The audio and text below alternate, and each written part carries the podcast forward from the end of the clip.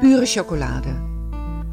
Een paar weken geleden kwam mijn collega enigszins opgewonden terug van een bezichtiging op de Prinsengracht. Wat ik nou heb meegemaakt, zei hij, echt zo'n bizar stel.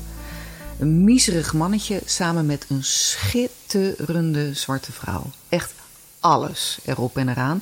En dan veel daarvan. Ik bedoel billen. Echt heel veel billen.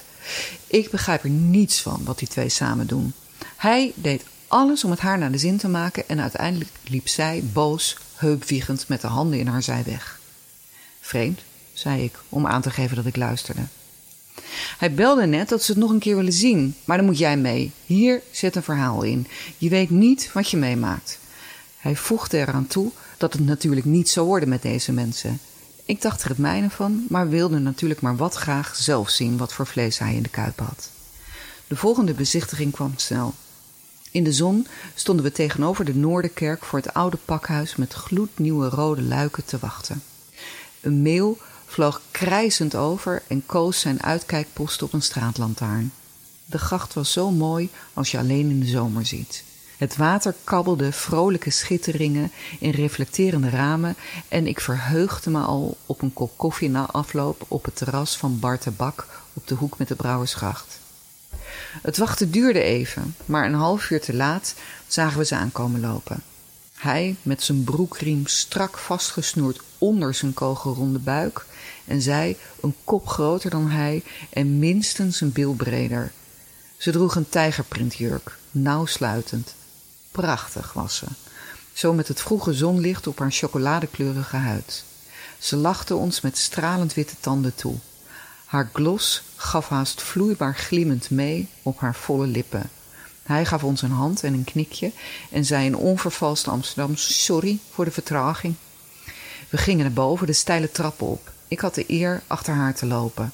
Haar strakke jurk spande niets verhullend om haar billen. Waar je bij normale vrouwen met dit postuur hobbels, bobbels en plooien waarneemt, zag ik bij haar alleen maar strak afgewerkte rondingen alsof de beeldhouwer die haar gemaakt had manisch met zijn spatel aan het gladstrijken was geweest. Mijn collega had gelijk. Maat 42 in optima forma, tot in perfectie gestroomlijnd. En heus niet alleen in het achteraanzicht.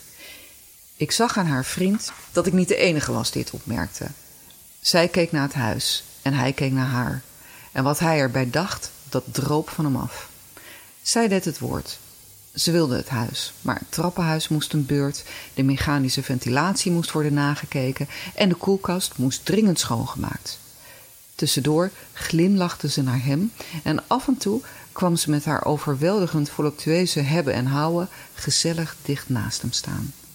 Eenmaal beneden op de gracht liepen ze innig omarmd samen weg. Zij een centimeter of twintig boven hem uithorenend en hij met zijn grijs behaarde hand op haar bil. Ik vond het aandoenlijk. Waarom ook niet, als die twee toch gelukkig van elkaar werden.